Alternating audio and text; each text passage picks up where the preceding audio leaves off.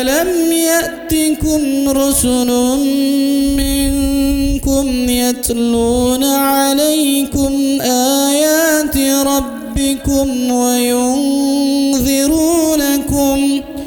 وينذرونكم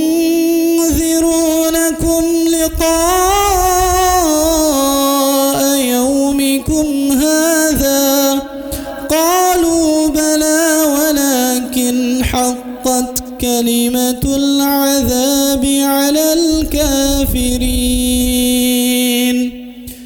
Ya, eh, mungkin untuk tidak memperpanjang waktu, Pak Ustadz Maududi Abdullah, saya eh, kami persilahkan untuk bisa memulai kajian pada sore hari ini.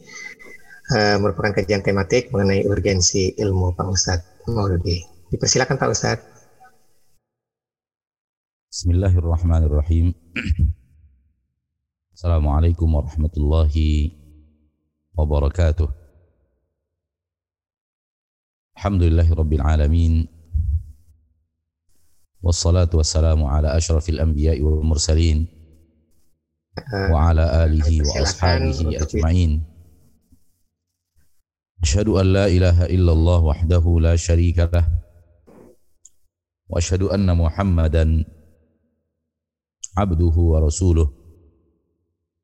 صلى الله عليه وعلى آله وأصحابه ومن تبعهم بإحسان إلى يوم الدين وسلم تسليما كثيرا. يا أيها الذين آمنوا اتقوا الله حق تقاته ولا تموتن إلا وأنتم مسلمون. يا أيها الناس اتقوا ربكم الذي خلقكم من نفس واحدة وخلق منها زوجها وبث منهما رجالا كثيرا ونساء واتقوا الله الذي تساءلون به والأرحام إن الله كان عليكم رقيبا. يا أيها الذين آمنوا اتقوا الله وقولوا قولا سديدا. يصلح لكم أعمالكم ويغفر لكم ذنوبكم. ومن يطع الله ورسوله فقد فاز فوزا عظيما. أما بعد فإن أصدق الحديث كتاب الله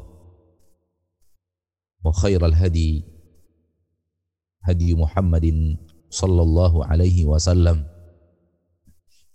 وشر الأمور محدثاتها فإن كل محدثة بدعة وكل بدعة ضلالة وكل ضلالة في النار Saudaraku saudariku kaum muslimin wal muslimat rahimani wa rahimakumullah. Mari kita bersyukur kepada Allah tabaraka wa taala Rabbul Izzati wal Jalalah Malakuti wal Kibriyai wal Azamah yang senantiasa mencurahkan kepada kita rahmat dan nikmatnya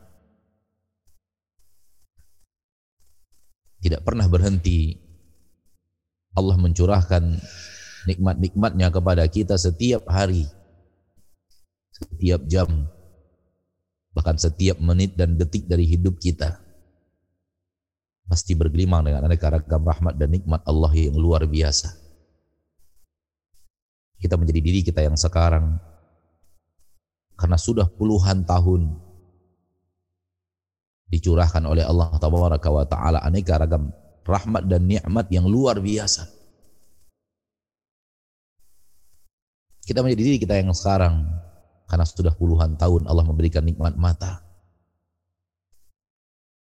telinga, lisan, kaki dan tangan. Demikian juga sudah puluhan tahun Allah memberikan nikmat jantung, paru-paru, ginjal, pankreas, usus, daging, darah, tulang. Tanpa semua itu, apa yang bisa kita lakukan?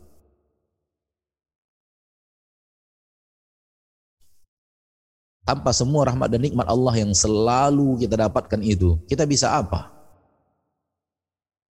Saya tidak ada yang bisa kita lakukan. Jangankan tanpa jantung. Semua kita tahu apa arti tanpa jantung. Tanpa pendengaran, penglihatan, dan lisan, kita tidak bisa apa-apa. Apa yang bisa dilakukan oleh seorang yang busta, tuli, bisu? Akan tapi sering sekali manusia melalaikan curahan nikmat-nikmat yang besar tersebut dan menganggapnya sebuah nikmat yang kerdil, kecil dan sepele.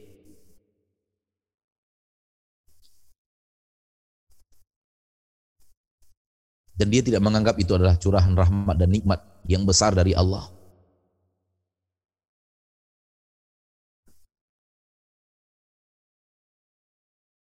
Sehingga akhirnya nikmat-nikmat besar, besar itu dilalaikan dan dianggap nikmat sepele. Akhirnya manusia merasa bahwa dirinya tidak mendapatkan nikmat yang besar yang banyak yang Allah katakan di dalam Al-Qur'an wa in ta'udu ni'matallahi la tuhsuha. Kalau kalian menghitung nikmat-nikmat Allah yang Allah berikan kepada kalian, mustahil kalian mampu untuk menghitungnya. Mustahil saking banyaknya.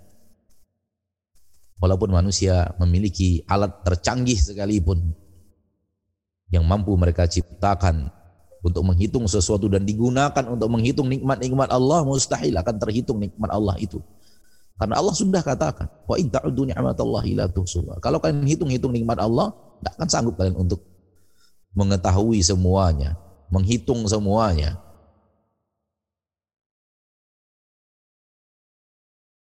Oleh karena itu mari kita hadirkan selalu mata yang mengerti dan faham hati yang mengerti dan faham akan curahan nikmat dan kasih sayang Allah agar kemudian kita gampang dan mudah menjadi hamba yang bersyukur.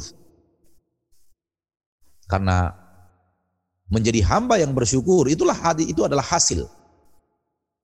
Hasil dari kepiawaian kita melihat datangnya rahmat dan nikmat Allah.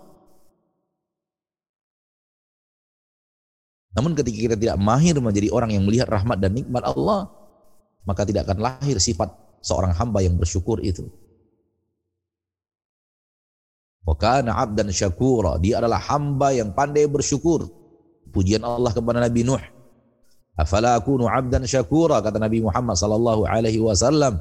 Tidak pantaskah aku menjadi seorang hamba yang bersyukur? Yang pandai bersyukur, yang rajin bersyukur?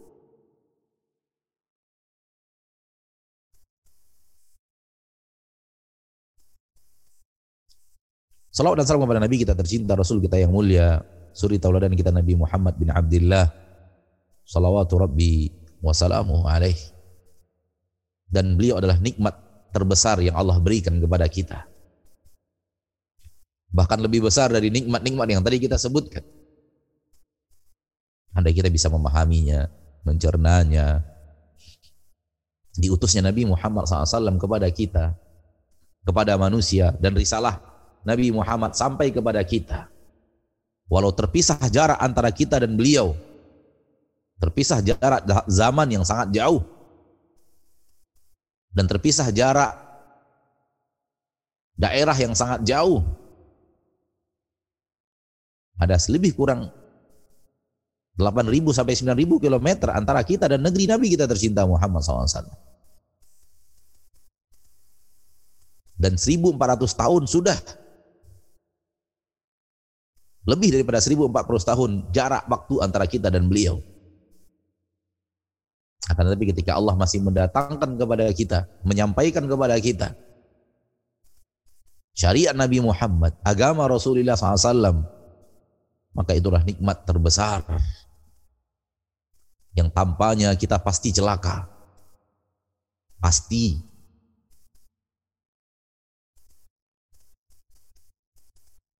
Tanpa syariat yang Allah sampaikan kepada kita tersebut dari syariat Nabi Muhammad kita mas, pasti menjadi orang-orang yang durjana.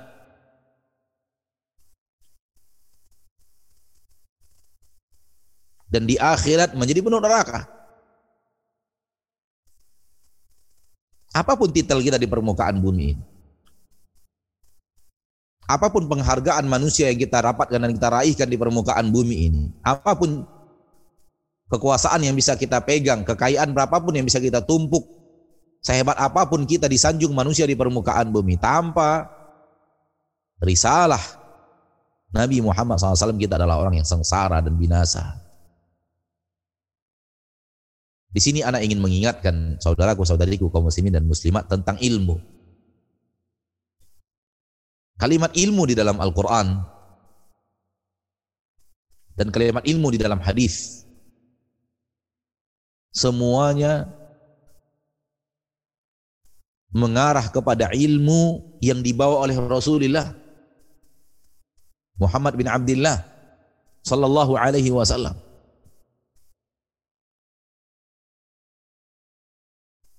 Dan Rasul kita tercinta Muhammad sallallahu alaihi wasallam hanya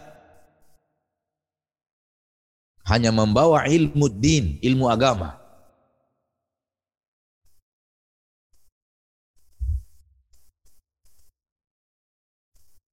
Karena ilmu dilihat dari ilmu tersebut ada yang berhubungan dengan syariat, agama, dan ada yang berhubungan dengan murni dunia. Dan ilmu dalam nas-nas Al-Quran, ilmu dalam nas-nas hadis Nabi Sallallahu Alaihi Wasallam, semuanya tercurah kepada ilmu din, ilmu agama. Adapun mereka yang menyatakan semua ilmu adalah sesuatu yang dituju maka wallahu taala alam saya secara pribadi menganggap itu adalah pendapat yang tidak benar. Karena kalau ilmu itu disebut di dalam Al-Qur'an dan disebut di dalam hadis Nabi sallallahu alaihi wasallam kemudian ilmu tersebut tidak dikuasai oleh Rasul sallallahu alaihi wasallam maka ada cacat dalam kenabian beliau.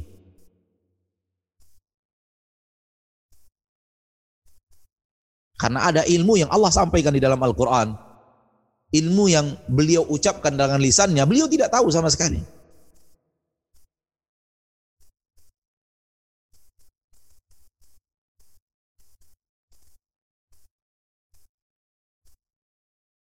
Bagaimana mungkin dipuji di dalam Al-Quran, dipuji dalam hadis. Kemudian realitanya tanya bahwa Nabi tidak mengerti. Bukankah ini cacat yang hebat dalam sebuah kenabian? Karenanya kita mengatakan bahwa seluruh kalimat ilmu yang ada di dalam Al-Quran, seluruh kalimat ilmu yang ada di dalam hadis adalah ilmu yang Rasul kita Muhammad SAW adalah orang terdepan dalam menguasainya.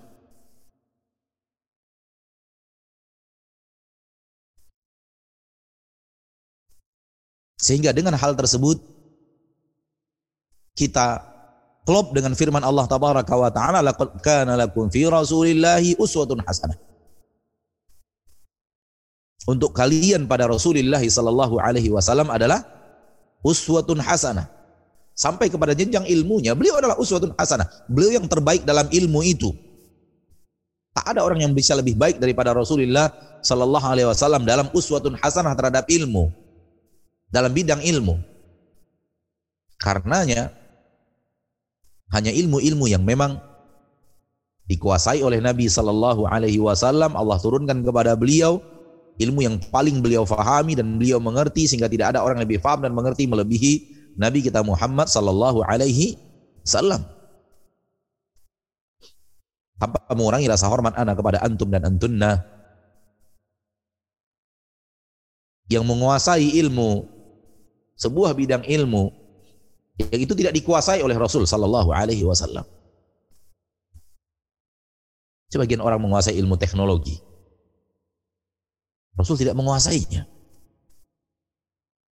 Sebagian orang menguasai ilmu arsitek yang Rasul tidak menguasainya. Ilmu astronomi, geografi,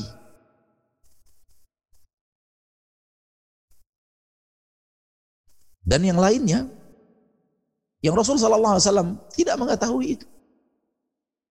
Detail ilmu tentang kimia, fisika dan yang lain-lainnya Rasul tidak menguasai. Bahkan Rasul pun tidak pandai menulis dan membaca.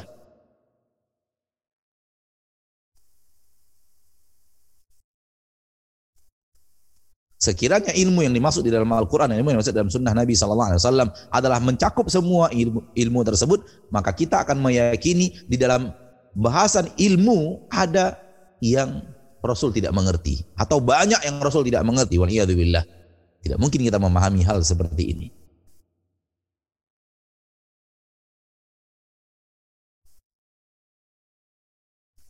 Atau dalam redaksi lain, dalam sudut pandang yang lain, saya akan mengatakan ilmu yang dipuji oleh Allah di dalam Al-Quran, ilmu yang dipuji oleh Rasulullah Sallallahu Alaihi Wasallam di dalam hadis dan disebutkan keutamaan-keutamaannya adalah ilmu yang membuat kita selamat di dunia, selamat di alam barzakh dan selamat di akhirat. Tidak hanya ilmu yang manfaatnya hanya ada di dunia dan itu belum tentu ada selamat dan itu belum tentu selamat.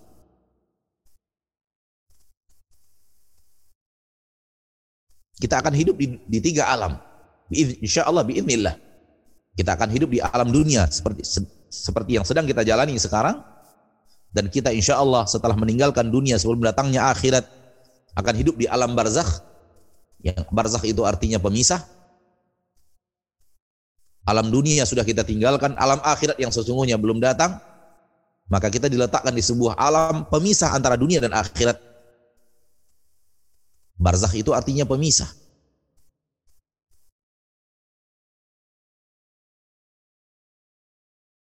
Dan usia Rasul di alam barzakh, usia para sahabat di alam barzakh lebih lama daripada usia mereka di dunia.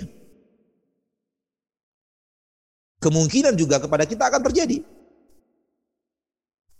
Allah alam kita tidak tahu kapan datangnya hari kiamat itu. Dia pasti, tapi kita tidak tahu kapan akan datangnya.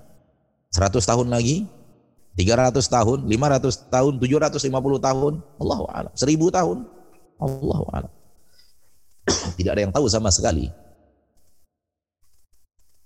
Kul ilmu inda rabbi. Katakan ilmu tentang hari kiamat hanya ada pada Allah tabaraka wa taala.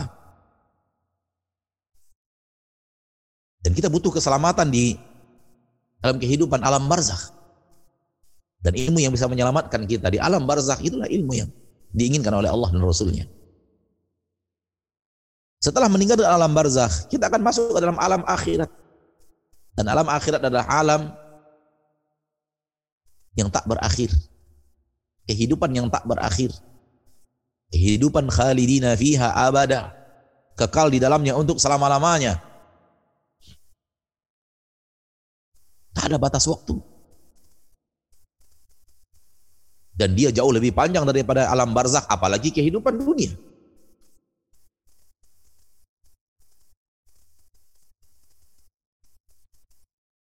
maka ilmu yang bermanfaat menyelamatkan kita di tiga alam ini itulah ilmu yang dimaksud oleh Allah di dalam Al-Quran dan hadis dan ilmu itulah yang paling dikuasai oleh Rasul sehingga tidak ada yang menguasainya lebih daripada Rasul.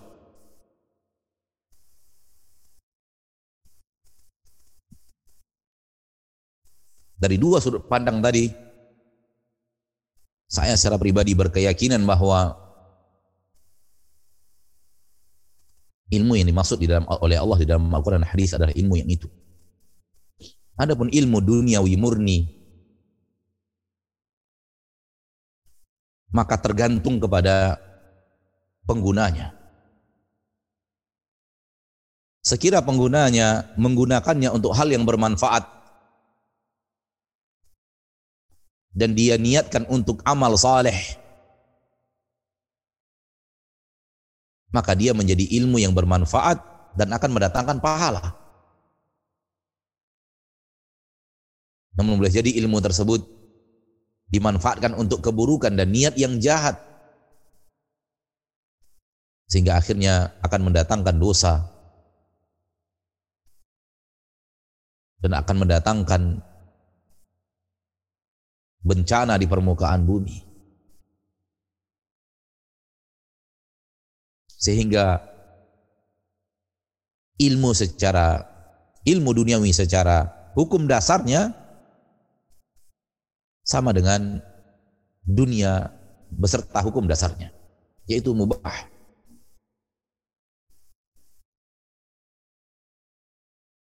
Yang mempelajarinya kemudian memanfaatkan untuk kebaikan dengan niat kebaikan insya Allah mendapatkan pahala. Dan yang tidak mengetahuinya tidak akan berdosa. Saya dan anda tidak akan berdosa kalau kita tidak mengerti ilmu astronomi. Saya dan anda tidak akan berdosa kalau kita tidak mengerti ilmu tentang geografi. Yang detail tentang biografi. Biologi dan semacamnya saya dan yang lainnya tidak akan tidak akan berdosa apabila tidak mengerti ilmu tentang kesehatan.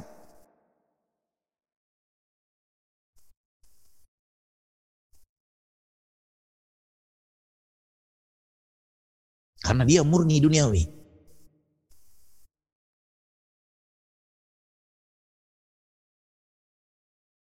Sungguh pun saya sadar dan sadar bahwa sesungguhnya ketika poin ini saya sampaikan di sebuah forum banyak sekali orang yang bertanya-tanya. Karena selama ini mereka tahu bahwa setiap kalimat ilmu yang ada di dalam Al-Quran dan dalam hadis mencakup seluruh ilmu. Bahkan nas Al-Quran kata mereka, Ma farratna fil kitabi min syai. Tidak kami sisakan sedikit pun apa yang ada kecuali di dalam Al-Quran sudah kami terangkan. Semuanya ada di dalam Al-Quran. Dan mereka mengatakan semua ilmu. Karena tidak setuju dengan pendapat tersebut. Karena Rasul kita tidak mengerti ilmu biografi Rasul kita tidak mengerti ilmu fisika dan kimia. Rasul kita tidak mengerti detail ilmu matematika seperti yang kita pelajari sekarang.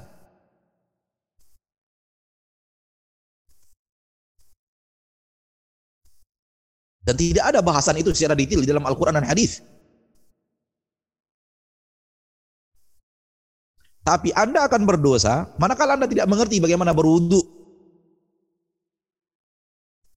Berdosa dan diancam dengan neraka. Hadis sahih Imam Bukhari dan Muslim dari Abu Hurairah, "Wailul lil aqabi minan nar." Neraka, celaka untuk orang yang berwudu namun tidak sempurna wudunya, masuk neraka kata Nabi. Dia berwudu, sudah berwudu. Namun tak sempurna. Akhirnya tetap ke neraka padahal sudah berwudu. Dan hadis ini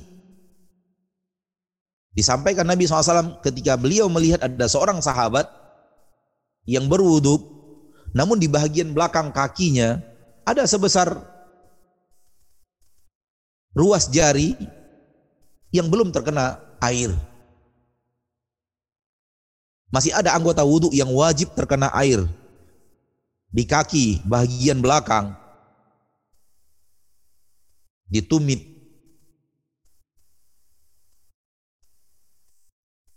yang tidak terkena air wudhu. Sehingga datanglah hadis ini. Sahih Imam Bukhari dan Muslim wailul lil aqabi minan nar. Celaka dari tumit-tumit dari neraka. Terancam dengan neraka karena tumitnya walaupun di, di, di wudhu air wudhu namun tidak sempurna. Masih ada bahagian anggota tubuh yang wajib terkena air wudhu yang tidak terkena air wudhu. Bayangkan saudaraku, Keluar kita sedikit dari dari bahasan tadi. Bayangkan saudariku, orang yang sudah berwudu saja dan sudah sholat diancam neraka. Apa nasib orang yang tidak berwudu dan tidak sholat? Dan mereka para ilmuwan duniawi, mereka profesor di bidangnya, mereka rujukan dunia di bidang yang mereka kuasai, tapi tidak berwudu, tidak sholat, tidak mengerti akhirat, tidak beriman akhirat, tidak beriman kepada Rasul kita tercinta, dan menjadikan Nabi Isa sebagai Tuhannya, akankah ilmu yang mereka kuasai kita nyatakan ilmu yang ada di dalam Al-Quran?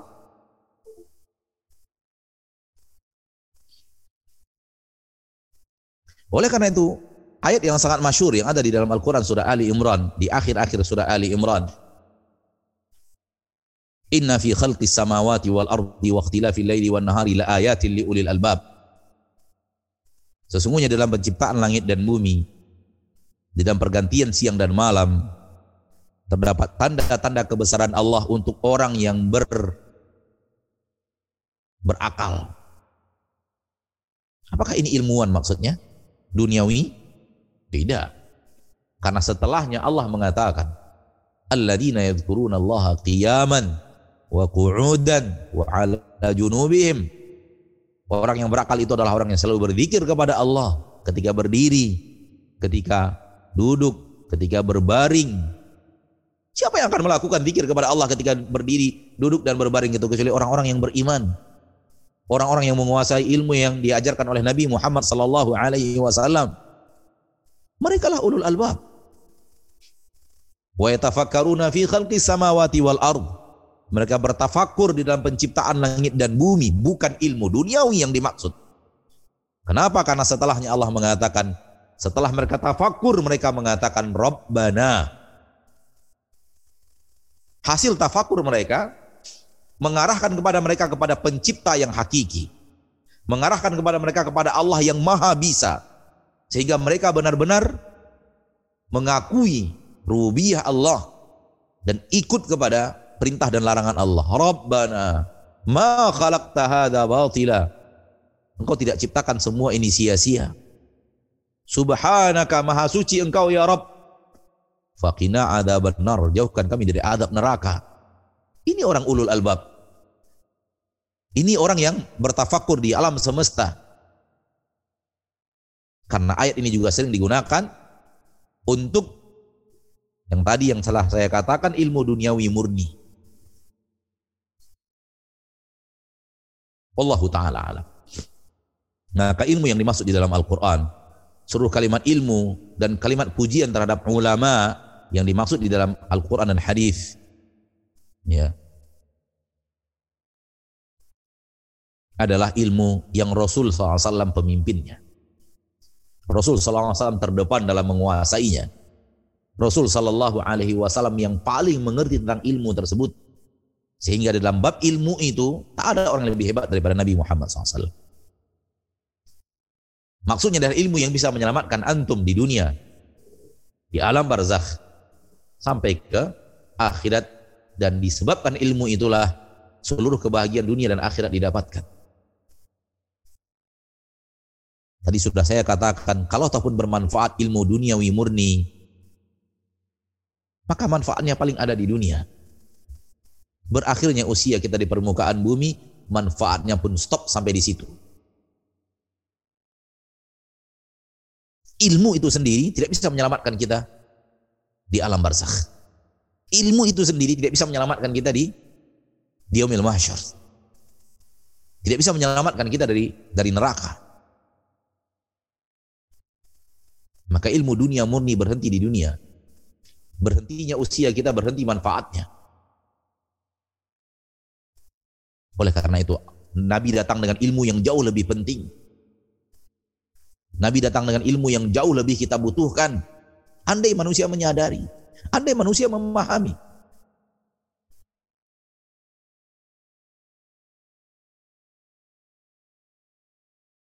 Dan Haman, Haman jauh sebelum Nabi Muhammad hidup telah menguasai ilmu arsitek yang tidak dikuasai Nabi Shallallahu Alaihi.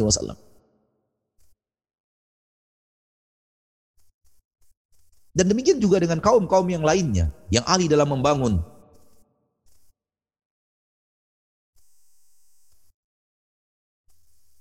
Yang boleh jadi peradaban mereka lebih maju daripada peradaban orang Quraisy.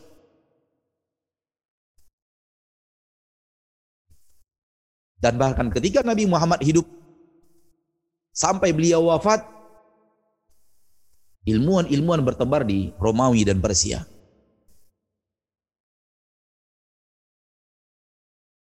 Dengan keahlian mereka masing-masing. Sekali lagi, ma'asyarul muslimin wa muslimat rahimani wa rahimakumullah. Ini yang saya fahami dari para ahli ilmu, dari para ulama dan mengajak kaum muslimin dan kaum muslimat untuk tidak lalai daripada ilmu yang sangat teramat penting ini. Ilmu yang menyelamatkan ada di dunia. Selamat dari kesyirikan. Selamat dari menzolimi orang lain. Selamat dari menzolimi diri sendiri.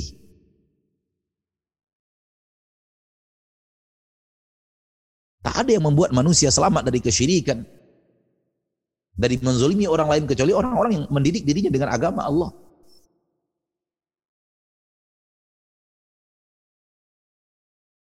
Selamat daripada menerima harta haram. Ilmu duniawi tidak akan sampai ke sana.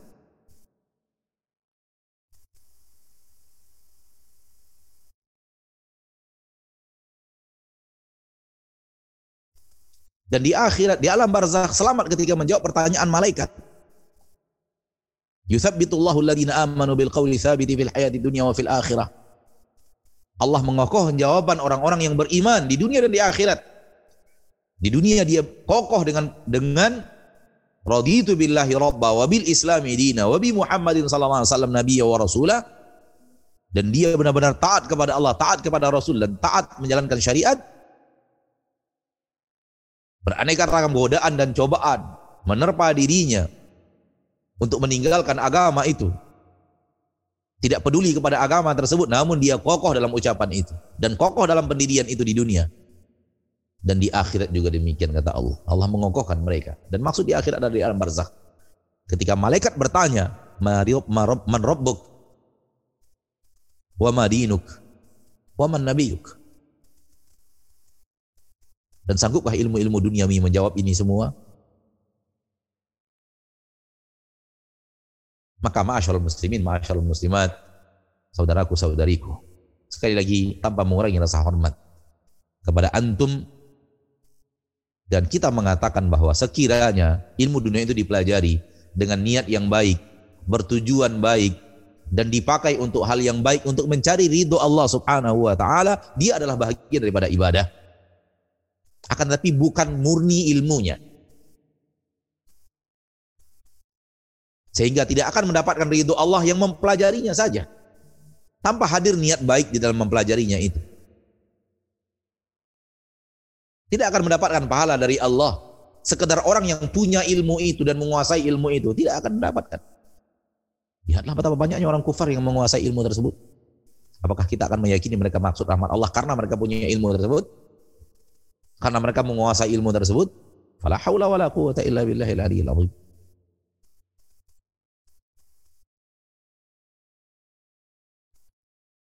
maka pelajarilah sesuatu ilmu yang bermanfaat dalam urusan dunia dengan niat yang baik dan tujuan yang baik mencari ridho Allah kalau ataupun akhirnya untuk mencari nafkah mencari nafkah yang halal dan menjauhi mencari nafkah dengan cara yang tidak diridhoi dan tidak dicintai oleh Allah Subhanahu wa taala.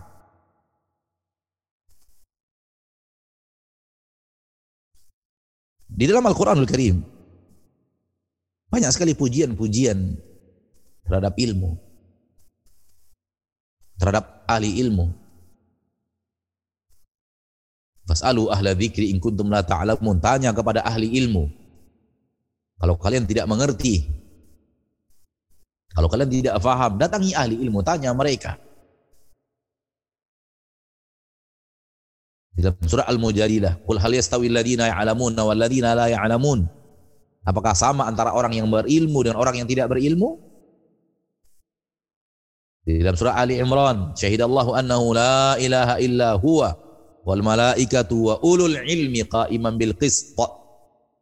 Allah bersaksi bahwasanya la ilaha illahu tidak ada ilah kecuali dia wal malaikah bersaksi juga para malaikat semuanya. Adapun manusia tidak semuanya. Yang hanya bersaksi adalah orang-orang mulia di tengah mereka yaitu ulul ilm orang-orang yang berilmu. Pemuliaan yang luar biasa. Sehingga persaksian ahli ilmu digandeng dengan persaksian Allah dan para malaikat.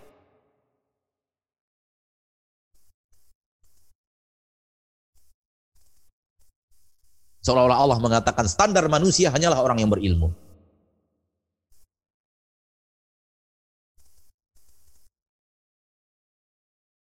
Di dalam surat An-Nisa Allah juga memuji orang yang berilmu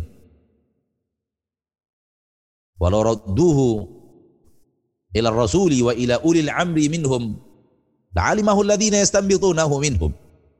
Sekiranya permasalahan itu mereka serahkan kepada Rasul dan kepada orang-orang yang berilmu, niscaya mereka bisa mengambil intisari daripada agama Allah dan mengambil hukum yang jelas dan benar apabila dikembalikan kepada sunnah Rasul dan orang-orang yang mengerti akan sunnah Rasul itu.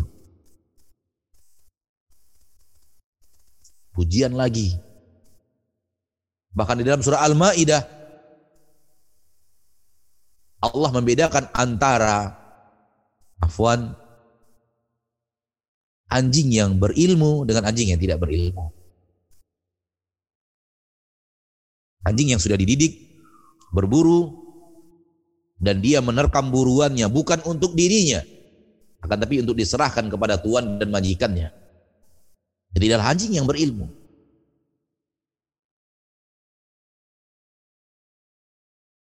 Adapun anjing yang tidak berilmu maka terkamannya diharamkan.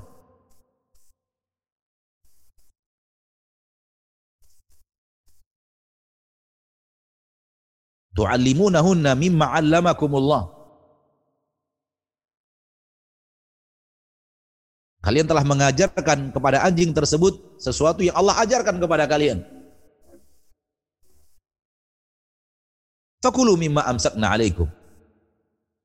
Makanlah apa yang telah mereka ambil, mereka terkam, mereka kejar dan akhirnya mati di dalam pengejaran mereka. Makan. Tapi Bukan anjing sembarangan, anjing sudah mengerti, sudah dididik.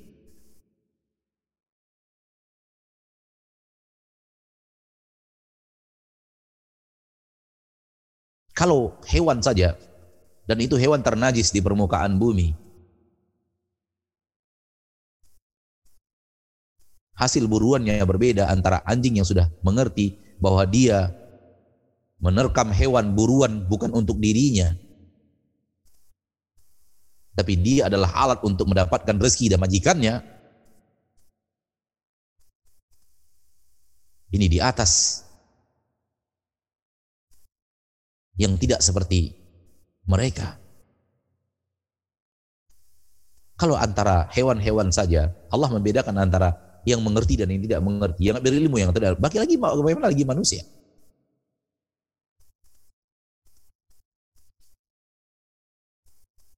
Di dalam hadis apabila kita melihat di dalam hadis-hadis Rasul kita tercinta Muhammad sallallahu alaihi wasallam pujian yang luar biasa banyak.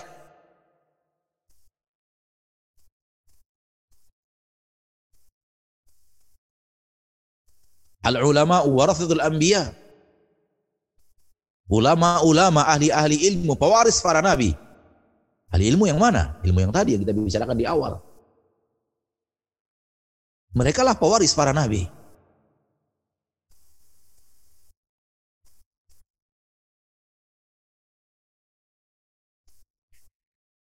Sehingga dimasukkan ke dalam orang yang mewarisi sesuatu dari Rasul kita tercinta SAW. Dan ahli waris para nabi menunjukkan orang-orang yang spesial hubungannya dengan para nabi. Karena mereka pewarisnya. Fa'inal anbiya alam yuwarithu dinaran wala dirhama. Mawarathu ilm. Para nabi tidak pernah mewariskan harta. Tidak pernah mewariskan dinar dan dirham. Mereka mewariskan ilmu.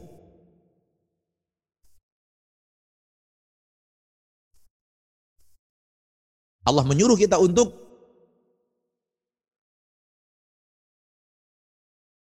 cemburu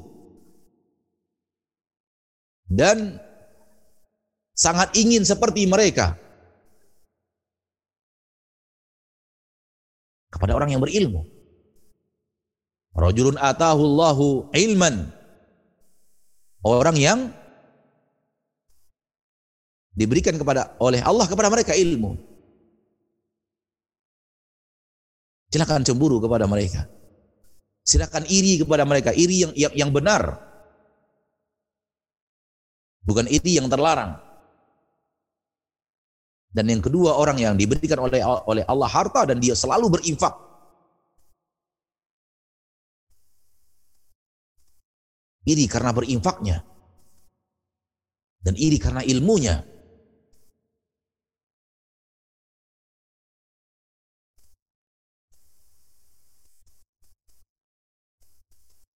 Saudaraku saudariku kaum muslimin dan muslimat rahimani wa rahimakumullah.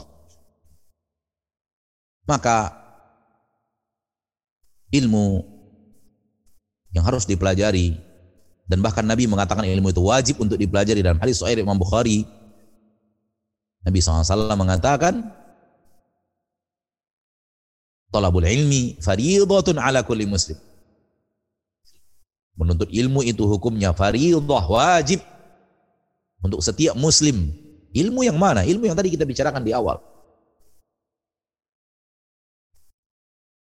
Yang kalau kita tidak mengerti ilmu itu, kita akan berdosa. Yang tidak mengerti ilmu sholat akan berdosa. Yang tidak akan mengerti, yang tidak mengerti dan tidak pernah belajar ilmu zakat akan berdosa. Ketika dia sembarangan dan dan serampangan saja mengeluarkan zakat. Tidak mengerti ilmu berwudu akan berdosa. Tidak mengerti ilmu tentang haid.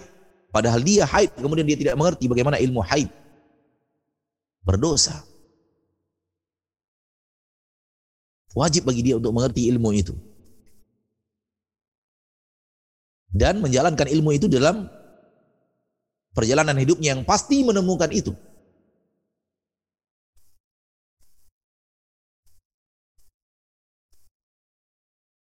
Saudaraku saudariku rahimani wa rahimakumullah. Maka pujian-pujian Allah kepada ahli ilmu, kepada orang yang berilmu di dalam Al-Qur'an dan pujian-pujian Nabi sallallahu alaihi wasallam di dalam hadis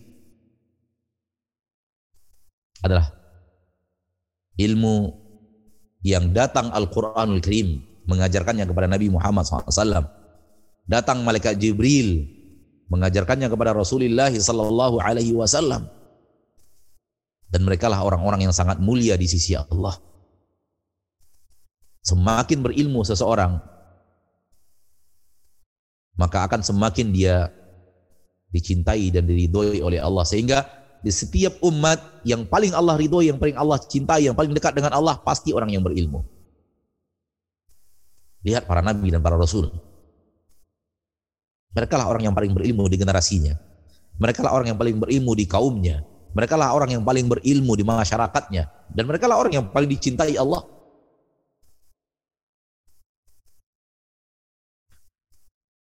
Allah juga berfirman, "Innama yakhsyallaha min ibadihi ulama." Yang takut kepada Allah hanya ahli ilmu.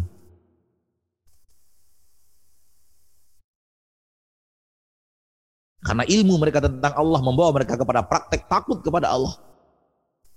Membawa mereka kepada pengamalan takut kepada Allah Rabbul Izzati wal Jalalah.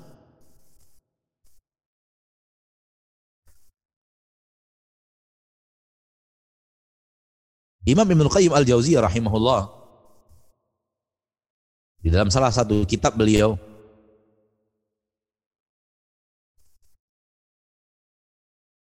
mengatakan bahwa ilmu yang terpuji adalah ilmu yang akan datang bersama kita di akhirat. Yang ketika kita datang di akhirat ada bersama kita ilmu itu. Sehingga dia menjadi penghias diri. Mulia dengan karena adanya ilmu itu dalam dirinya. Kita tahu di akhirat kelak saudaraku, saudariku muslimin dan muslimat, semua dunia ini hilang dan sirna. Kama bada'akum ta'udun, sebagaimana pertama kali Allah ciptakan kalian, semua kalian akan kembali seperti itu. Kita akan datang tanpa membawa embel-embel dunia. Tanpa membawa harta dunia,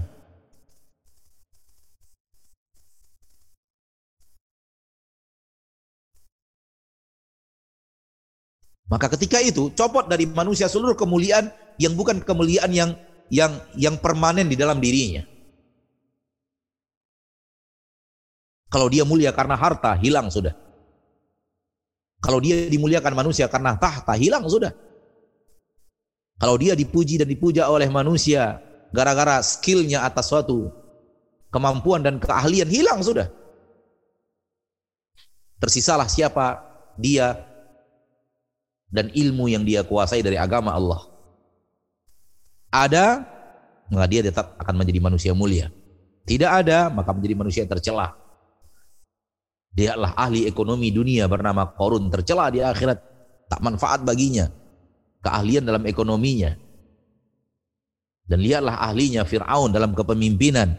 Tak membuat dia beruntung di akhirat. Karena semua itu berhenti dengan berakhirnya usia Fir'aun dan Korun. Namun lihatlah Bilal bin Rawah. Seorang budak dicela, dicaci, dimaki, diremehkan. Status duniawinya di bawah seorang budak. Melihat bagaimana mulianya beliau. Sehingga Nabi mengatakan, aku mendengar telapak kakimu di surga, wahai Bilal. Apa yang kau lakukan? Hal yang tidak jauh daripada mereka Ammar bin Yasir, ayah dan ibunya. Yasir dan Sumayyah radhiyallahu anhum wa berstatus mawali di kota Mekah, dihinakan, dicaci, dimaki, bahkan diadab oleh Abu Jahal. Namun lihat apa yang mereka dapatkan. Nabi mengatakan sabran ala Yasir fa inna mau'idakumul jannah. Sabarlah wahai keluarga Yasir. Janji Allah untuk kalian adalah surga. Dan semua itu tidak lain tidak bukan karena mereka berpegang dengan apa yang Allah turunkan kepada Nabi Muhammad sallallahu alaihi wasallam. Mereka beriman kepada Rasul kita tercinta sallallahu alaihi wasallam, bukan penguasa, bukan orang kaya. Bahkan dalam serata dunia di bawah pemimpin budak dan mereka adalah budak. Maka tapi lihat mulianya. Saking mulianya mereka, sudah berganti tahun, berganti generasi yang sangat banyak, nama mereka tetap harum dan wangi. Nama mereka tetap, tetap disebut dan dipuji. Kisah hidup mereka tetap disampaikan di majelis-majelis untuk sebagai suri tauladan, seolah-olah mereka masih berada di tengah kita. Sementara para raja sudah berapa yang pergi? Mana nama mereka? Mana sejarah hidup mereka? Mana orang menyebut bahkan manusia tidak kenal siapa mereka? Padahal pemimpin-pemimpin dunia. Maka ilmu yang bermanfaat, ilmu yang ada di dalam Al-Quran, ilmu yang ada di dalam hadis adalah ilmu yang bisa menyelamatkan anda di dunia, menyelamatkan anda di alam barzakh, menyelamatkan anda di akhirat. Dan kalau dibandingkan usia kita, maka yang paling singkat adalah usia di dunia. Kejarlah ilmu itu, raihlah dia. Dia akan menata hidup Anda. Hanya dengan mengamalkan ilmu agama, hidup manusia itu akan menjadi hidup yang baik. Tanpa agama mustahil. Keluarganya menjadi keluarga yang tentram. Tanpa agama mustahil. Di tengah masyarakatnya dia akan menjadi orang yang bisa mendatangkan kebaikan kepada masyarakatnya tanpa agama itu mustahil. Akan bermanfaat untuk orang lain. Terhindar dari malapetaka, terhindar dari dosa, terhindar dari perbuatan-perbuatan yang akan menghancurkan dia dunia dan di akhirat. Maka kejarlah ilmu ini. Dan jadikan dia lebih penting bagi kita daripada ilmu-ilmu lainnya. Kalau toh pun kita menguasai sebagian bidang ilmu duniawi murni, maka jadikan dia untuk sarana mendekatkan diri kita kepada Allah. Tuntut dengan niat yang baik, amalkan dengan niat yang baik dan tujuan yang baik, meraih ridho Allah Subhanahu wa taala. Para ulama mengatakan al-mubahat ma'an nawaya salihat takunu ibadat. Amalan-amalan mubah dunia termasuk salah satunya adalah ilmu. Namun disertai dengan niat yang saleh akan menjadi ibadah di sisi Allah Subhanahu wa taala karena diiringi dengan niat yang saleh. Baik, mungkin sampai di sini dulu materi yang bisa saya sampaikan pada kesempatan yang berbahagia ini. Waktu yang tersisa kita gunakan untuk menjawab pertanyaan dari kaum muslimin dan muslimat rahimani wa rahimakumullah dan kita kembalikan kepada akhuna falyatafaddal masyhur. Ya, terima kasih Pak Ustadz Maududi. Uh, ini sudah ada beberapa pertanyaan Yang pertanyaan pertama dari Niaran. Afwan Ustadz, Ana mau bertanya, jika kita menyapu bersih dengan menghidupkan 10 malam terakhir bulan Ramadan dengan ibadah, tapi di rumah karena masa, masih pandemi COVID, apakah kita berpeluang besar atau bisa dipastikan mendapatkan Lailatul Qadar? Mohon penjelasannya Pak Ustadz. Ini ilmu Lailatul Qadar Pak Ustadz. Baik, baik. Barakallahu fiqh. Uh, peluang ada dan sangat terbuka lebar. Walaupun kita tidak iktikaf di masjid. Merupakan sebuah kesalahan. Manakala orang mengira hanya orang beriktikaf saja yang bisa mendapatkan keutamaan malam Lailatul Qadar. Tidak. Sebagian orang mungkin berkeyakinan, beranggapan bahwa kalau ingin malam dapat malam Lailatul Qadar harus iktikaf. Kalau tidak itikaf atau tanpa itikaf, dia tidak akan dapatkan malam Lailatul Qadar. Itu keliru ya. Maka pertanyaan tadi, apakah ada ada apakah ada peluang? Iya, sangat terbuka luas. Namun dalam pertanyaan tadi saya juga mendengarnya, apakah ada kepastian kita bisa mendapatkan malam Lailatul Qadar? Ini yang kita tidak tahu ilmunya. Karena ilmu pasti hanya pada Allah Rabb kita. Pasti. Siapa yang bisa memastikan? Apabila Anda beribadah kepada Allah dan ibadah Anda tersebut diterima oleh Allah dan bertepatan dengan malam Lailatul Qadar. Apakah dia zikir, membaca Al-Qur'an, termasuk juga i'tikaf? Apakah dia sedekah? Ataukah dia silaturahim? Ataukah dia memberikan santunan kepada anak yatim? Kepada orang fakir dan miskin? Apa pun ibadah. Dan ibadah anda tersebut diterima oleh Allah. Bertepatan dengan malam Lailatul Qadar. Permasalahan sekarang adalah dari mana kita tahu bahwa amal ibadah kita itu diterima oleh Allah?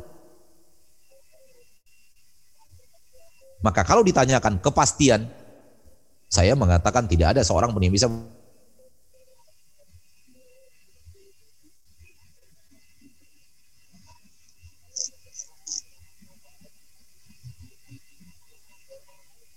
sarana untuk bisa mengetahui diterima atau tidak diterima oleh Allah. Namun kalau ditanyakan peluang, ya peluangnya terbuka lebar. Walau hanya di rumah beribadah di di rumah dan tidak etikaf di masjid. Wallahu taala alam. Jadi kalau kita beribadah di malam bertepatan dengan malam Lailatul Qadar dan ibadah kita di malam itu diterima oleh Allah, maka ibadah kita yang diterima oleh Allah di malam itu pahalanya dilipat gandakan sehingga lebih baik daripada seribu bulan. Dan seribu bulan itu lebih panjang dari usia kita. Insya Allah. Karena ya, rata-rata ya, usia umat Nabi Muhammad di bawah 70 tahun. Sementara seribu malam itu 83 tahun lebih. Maka satu malam itu lebih baik daripada sepanjang usia kita. Bukankah itu kemuliaan yang luar biasa? Adakah peluang? Ya, sangat terbuka luas. Pasti Allah alam. Nah. Jazakallah khairan, Pak Ustaz. Uh, jadi memang dalam mengejar ilmu tadi termasuk tadi apakah kembali kepada masalah niatnya apakah niatnya adalah beribadah kepada Allah semoga itu akan membawa kebaikan kepada kita ya Pak Ustadz termasuk bagaimana cara kita mengejar usaha berusaha untuk mendapatkan malam Lailatul Qadar amalan kita, sedekah kita, kita niatkan kepada Allah. Semoga Allah menerima ibadah kita tersebut. Amin. Ini ada pertanyaan ini Pak Ustadz dari Amin. Irfin Syah Lesmana. Assalamualaikum warahmatullahi wabarakatuh Pak Ustadz. Bagaimana mengetahui seseorang ulama tersebut mengajarkan atau mengucapkan ilmu yang benar-benar murni dan sahih, sedangkan kami sendiri masih awam terhadap hadis. Apakah yang diucapkan oleh ulama atau ustadz tersebut termasuk sahih atau doif bahkan maudhu? Jadi ini usaha kita bagaimana mengejar ilmu ini Pak Ustaz. Jazakallah. Nah. Eh, jalan yang paling pintas untuk solusi dari problem yang yang dialami Jalan yang paling pintas adalah bertanya kepada seorang dai, seorang ustadz yang kita tahu bahwa ustadz ini komitmennya terhadap Al-Quran dan hadis sesuai dengan pemahaman salafus saleh jelas dan sudah terbukti dan dia adalah orang yang bisa kita temui, bisa kita jumpai. Ya. Jalan yang paling ringkas adalah temui ustadz tersebut dan minta rekomendasi siapa-siapa saja yang boleh saya di, direkomendasi saya untuk belajar ilmu dari dari mereka. Bila perlu sekiranya Anda memiliki nama-nama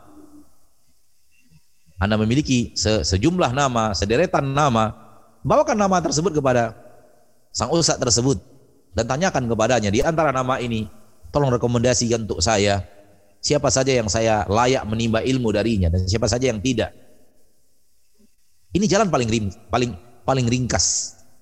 Ini jalan yang paling paling mudah mengantarkan kita kepada solu, kepada solusi yang tadi. Kenapa? Karena memang seperti yang tadi dikatakan, masalahnya adalah kita tidak bisa membedakan apakah ini benar hadisnya dibawakan, apakah ini hadis sahih atau dhaif atau bahkan palsu. Beberapa hari ini kita mendapatkan kiriman dari teman-teman kita tentang orang-orang yang menyampaikan hadis seenak perutnya.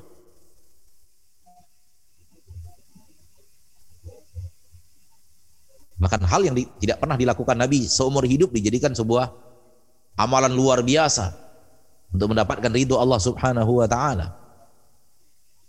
Ya, tentu yang membedakan itu adalah ilmu. Sementara seperti yang tadi kita katakan, kita tidak menguasai ilmunya. Maka kembali kepada firman Allah tadi, fas'alu ahla dzikri. Tanya kepada ahli ilmu. Tanya kepada orang yang mengerti. Tanya orang yang mengerti syariat. Ya.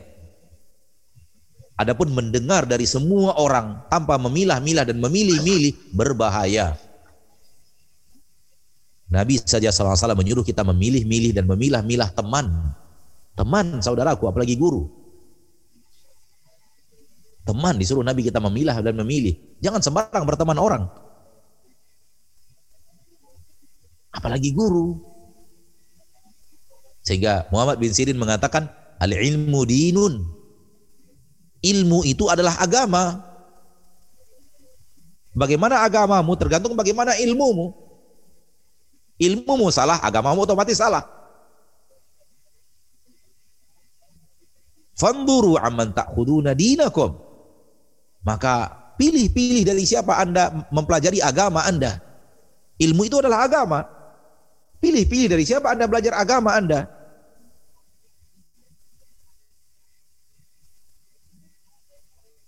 Kalau yang terbaik tentu kita menambah ilmu kita menambah ilmu dan terus belajar dan belajar. Namun ketika itu kondisinya belum didapatkan sebagaimana yang ditanyakan dalam pertanyaan tadi dan sudah kita dengarkan bersama, maka solusi yang paling ringkas adalah seperti yang tadi saya sampaikan. Mungkin kalau ditanyakan kepada Al Ustadz dalam bentuk kiriman WA misalnya, Ustadz mungkin tidak menjawab. Kenapa? Karena dia tidak tahu siapa kita. Dan dia tidak bisa melihat apakah orang ini adalah orang yang menguji, apakah orang yang menimba ilmu, ataukah orang yang membuat perangkap. Bisa saja. Disampaikan, ditanyakan ini, kemudian dijawab, kemudian jawabannya disebar ke mana-mana untuk menjatuhkan nama sang ustadz. Atau menghadapkan dia kepada problema dan dan dilema. Sehingga ada kemungkinan ustadz tidak menjawab. Tapi datangi, apabila sang ustadz melihat kita adalah orang yang mencari kebenaran, maka insya Allah dia akan menjawab, si fulan saya rekomendasi, fulan saya rekomendasi, fulan saya rekomendasi. Si fulan tinggalkan, si fulan tinggalkan, si fulan tinggalkan. Wallahu taala alam. Nah. Ya, uh, mungkin ini agak sedikit sama ya Pak Ustadz. Bagaimana kita juga harus memilah-milah uh, untuk mencari sumber dari dunia maya ya Pak Ustadz. Ketika kita ingin bertanya sesuatu tentang sesuatu yang sifatnya ibadah seperti itu, kemudian kita mencari dunia maya dan kemudian kita uh, melihat situs mana yang memang selama ini baik ataupun tidak baik seperti itu Pak Ustadz. Ya, kembali kepada yang tadi, ilmu adalah agama. Dan dunia maya yang kita lihat untuk mencari ilmu, ilmu adalah agama kita. Bagaimana agama kita tergantung bagaimana ilmu kita. Kalau ilmu kita ternyata serampangan, maka agama kita akan serampangan. Wallahu a'lam. Nah, termasuk termasuk. Ya, terima kasih Pak Ustadz. Ya. Ini ada pertanyaan Pak Ustadz dari hamba Allah. Izin bertanya Pak Ustadz, dalam hadis riwayat Muslim dan Abu dari Abu Hurairah radhiyallahu berkata, Rasulullah bersabda, apabila manusia meninggal dunia maka terputuslah segala amalnya kecuali tiga yaitu sedekah jariah, ilmu yang bermanfaat dan anak yang soleh yang mendoakan kepadanya. Di sini ilmu yang dimaksud apakah ilmu yang bermanfaat apakah di ilmu dunia atau dunia ilmu bagaimana ya Pak Ustadz ya? Sudah kita jawab dari pertanyaan tadi. Sudah kita jawab dari pertanyaan yang tadi yang kita beberkan di awal bahwa seluruh pujian terhadap ilmu seluruh pujian terhadap ilmu maka dia tercurah kepada ilmu yang dibawa oleh Nabi Muhammad sallallahu alaihi wasallam. Adapun ilmu lainnya itu bergantung tidak bergantung kepada ilmunya tidak bergantung kepada ilmunya. Adapun yang yang dipuji, yang dipuji karena ilmunya, maka itu hanya ilmu yang dibawa oleh Nabi Muhammad sallallahu alaihi wasallam. Akan tetapi ilmu yang lain adalah bergantung kepada niat pelakunya. Sekiranya itu adalah sesuatu yang bermanfaat. Seperti yang tadi ditanyakan, kemudian niatnya niat saleh, sehingga kemudian melahirkan kebaikan setelah dia wafat maka sebuah ibadah dan ketaatan tapi ilmu ilmu ilmunya yang yang yang yang terpuji maka itu tercurah seluruhnya kepada ilmu yang dibawa oleh Nabi Muhammad sallallahu alaihi wasallam. Nah, jadi uh, ini juga termasuk apabila mungkin dari beberapa kami ini adalah uh, seorang dosen seperti itu Pak Ustadz dan kemudian mengajarkan ilmu kedokteran kepada mahasiswa kami dan kemudian kami uh, menyampaikan bagaimana cara mengobati, bagaimana mendiagnosis pasien dengan baik sehingga memberikan manfaat kepada pasien tersebut atau masyarakat itu juga termasuk ya Pak Ustadz. Iringi dengan niat yang soleh. Maaf, tanpa mengurangi rasa hormat. Terkadang seorang dosen hanya ingin mencari nafkah dalam ilmu yang bermanfaat dari ilmu dunia yang dia ajarkan, dia hanya ingin mencari rezeki. Berarti ilmu tersebut berhenti di dunia. Tetapi sekiranya dia mengajarkan kepada muridnya dan kemudian dengan niat yang soleh dia ingin mengajar muridnya ilmu ini bermanfaat apabila anda menjadi orang yang yang yang menasihati kaum muslimin yang yang yang tidak berkhianat kepada kaum muslimin Anda katakan yang yang benar adalah benar apa adanya. Dan kalau itu adalah sebuah keburukan kemudian Anda diminta untuk melakukannya Anda Anda Anda akan hindari Anda menjaga kebaikan kaum muslimin. Bahkan kalau Anda dipaksa melakukannya Anda lebih rela untuk meninggalkan jabatan Anda dibanding harus dipaksa membenarkan yang salah. Dan bantu orang-orang miskin. Tidak semua orang-orang yang berobat kepada Anda adalah orang yang mampu. Lalu dia pupuk kebaikan-kebaikan itu di, di tubuh atau di, di diri murid-muridnya, maka inilah dia yang ilmu yang bermanfaat tadi. Ilmunya bermanfaat dan diiringi dengan niat yang saleh agar mendidik orang-orang yang mulia di sisi Allah Subhanahu wa taala. Namun sekedar ilmu yang bermanfaat saja, ini yang saya katakan tadi. Sekedar ilmu kedokterannya, maaf tanpa mengurangi sekedar ilmu kedokterannya tidak masuk ke dalam hadis tadi. Seperti yang saya katakan tadi, dosen mengajar ilmu kedokteran. Dia hanya ingin mencari nafkah, ingin mencari uang penghasilan untuk dia dapatkan. Lihat, ada seorang muslim yang mengajar, ada seorang yang tidak muslim mengajar. Ilmunya sama. Bahkan mungkin ilmu seorang yang tidak muslim lebih tinggi daripada ilmu orang muslim tadi. Kalau karena ilmunya harusnya dua-duanya terpuji. Kalau karena ilmunya harusnya dua-duanya terpuji. Tapi ternyata tidak toh. Bahkan sesama orang muslim sama-sama mengajarkan ilmu yang sama, namun satu muslim sekedar untuk mencari nafkah. Dan mencari nafkah adalah fitrah manusia, mubah duniawi. Sehingga tidak ada dosa, tidak ada pahala. Namun yang satu guru lagi tidak. Dia mengajarkan ilmu ini sembari mendidik murid-muridnya gunakan ilmu itu untuk hal yang diridhoi oleh Allah. Membantu orang lain adalah hal yang dicintai oleh Allah dan ini kesempatan Anda untuk membantu orang lain dengan ilmu yang Anda miliki sehingga dia punya murid-murid yang mewarisi ini sifat ini dari dari dirinya maka ini yang bermanfaat yang akan mengalir setelah setelah wafatnya. Bukan sekali lagi mudah-mudahan bisa dicerna dengan baik bukan murni karena ilmunya. Kalau murni karena ilmunya harusnya orang-orang yang tidak beriman kepada Allah itu mendapatkan pahala ini. Kalau murni karena ilmunya. Wallahu a'lam. Masya Allah Pak Ustadz. Jadi memang bagaimanapun juga ini semua sangat tergantung dengan bagaimana niat kita ya Pak Ustadz. Apakah tujuan kita mengajar, menyampaikan ilmu ini memang kita uh, harapkan mengharapkan ibadah dan ridho dari Allah Subhanahu Wa Taala.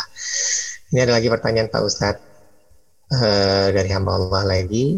Assalamualaikum Pak Ustadz, apakah berbeda tingkat kesolehan seseorang jika dia lebih suka memakai bahasa Arab dibanding dengan bahasa non-Arab? Misalnya mengucapkan terima kasih dengan jazakallah, selamat pagi dengan mengucapkan Assalamualaikum. Begitu Pak Ustadz, jazakallah. Baik. Kalau eh, doa jazakallah seperti itu, dengan terima kasih semoga Allah balasi dengan bahasa Indonesia, Anda tidak melihat perbedaan. Ya, Anda tidak melihat perbedaan. Karena Nabi SAW menyuruh kita mendoakan baik mendoakan pakai bahasa Arab atau mendoakan pakai bahasa Indonesia sama-sama mendoakan. Namun kalau selamat pagi dengan assalamualaikum pasti berbeda. Selamat pagi itu kebiasaan kaum Quraisy. Kebiasaan mereka, mereka tidak kenal assalamualaikum. Tapi yang mereka katakan tibtum sabahat. Taba naharuka ya sayyidi. Semoga baik pagi kalian.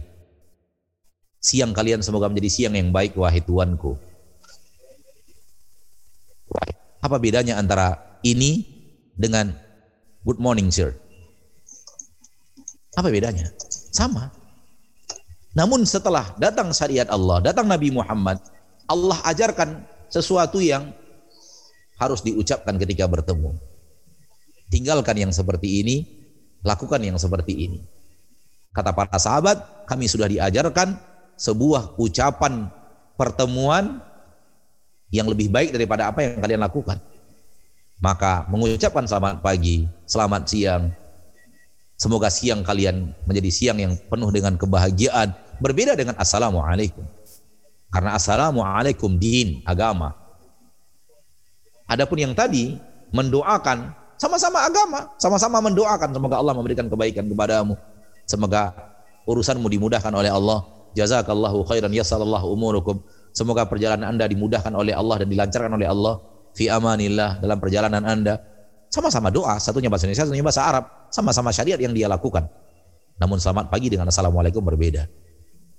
Sesuatu yang disuruhkan, disuruh oleh Nabi untuk ucapkan dan tinggalkan kebiasaan masa lalu, tibtum masaan, toba naharuka ya sayyidi, toba masa'uka ya sayyidi, Semoga malammu baik wahai tuanku, semoga semoga damai siangmu wahai majikanku, wahai saudaraku. Ini suruh Nabi tinggalkan, ganti dengan ucapan yang Allah ajarkan. Assalamualaikum.